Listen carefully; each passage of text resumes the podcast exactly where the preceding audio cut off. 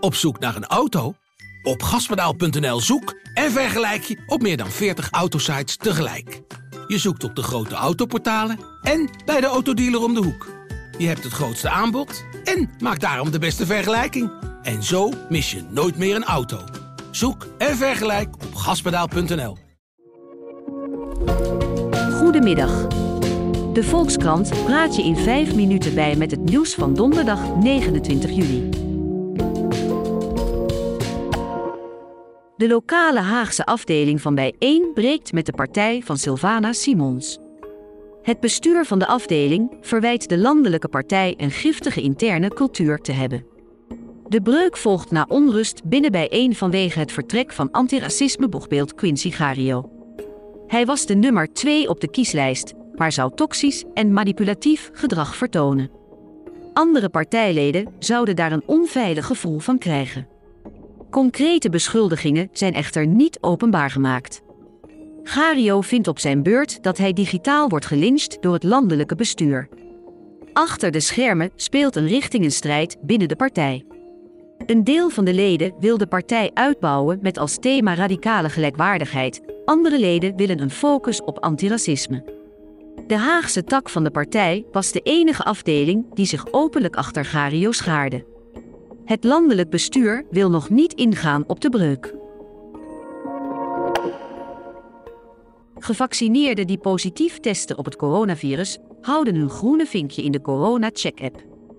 Met de QR-code die ze zo in de app krijgen, kunnen ze vervolgens op vakantie gaan of een evenement bezoeken. Ook als ze corona hebben. Het ministerie van Volksgezondheid is bekend met het gat in het systeem en beraadt zich op maatregelen. Een coronaprik maakt de kans op besmetting een stuk kleiner, maar het is nog steeds mogelijk. De Delta-variant is bovendien zo besmettelijk dat ook volledig gevaccineerden het virus kunnen doorgeven. Daarom gaan er stemmen op om ook gevaccineerden te laten testen voor zijn evenementbezoeken. Premier Rutte riep Nederlanders deze maand op om goed te ventileren. Thuis, in winkels en in de horeca. Tegelijkertijd werden de wettelijke ventilatieverplichtingen voor de horeca versoepeld, terwijl het juist in de nachthoreca goed misging met de besmettingen. Hoe zit dat? De versoepeling heeft te maken met de alcoholwet, die 1 juli de oude drank- en horecawet verving.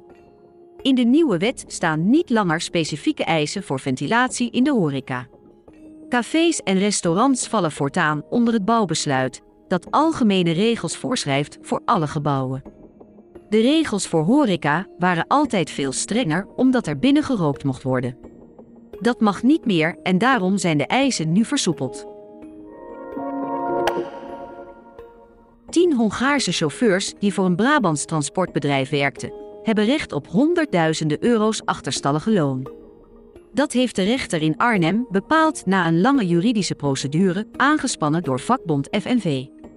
De chauffeurs stonden onder contract van een Hongaars zusterbedrijf, maar werkten vanuit Nederland.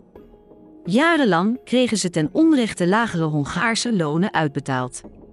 Sommigen reden volgens de FNV zelfs voor minder dan 2 euro per uur. Toen de chauffeurs de Nederlandse arbeidsvoorwaarden wilden afdwingen bij hun werkgever, werden ze ontslagen. Daarop begon de vakbond een rechtszaak. Volgens de FNV is de uitspraak ook belangrijk voor duizenden andere buitenlandse werknemers die onder een vergelijkbare constructie werken. De Nederlandse robotarm ERA is vandaag veilig vastgekoppeld aan het internationale ruimtestation ISS. Daar ging een spannende week aan vooraf, want de bijbehorende Russische module Nauka had motorproblemen. Daardoor moest bijgestuurd worden met kleinere motoren die daar eigenlijk niet voor bedoeld zijn. Bepaald nieuw is de arm niet meer, al in de jaren 80 verschenen de eerste ontwerpen. De arm wachtte al grofweg 35 jaar op een geschikt huis. ERA zal de derde robotarm op het ISS zijn.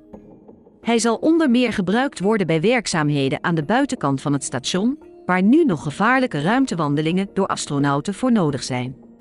De arm is het meest Nederlandse deel van het ruimtestation en zal vermoedelijk één van de laatste grote uitbreidingen van ISS zijn. Dit was het nieuws in 5 minuten van de Volkskrant. We zijn nog volop aan het experimenteren met dit format en horen graag wat je ervan vindt. Opmerkingen en reacties zijn welkom op innovatieapenstaartjevolkskrant.nl. Tot morgen.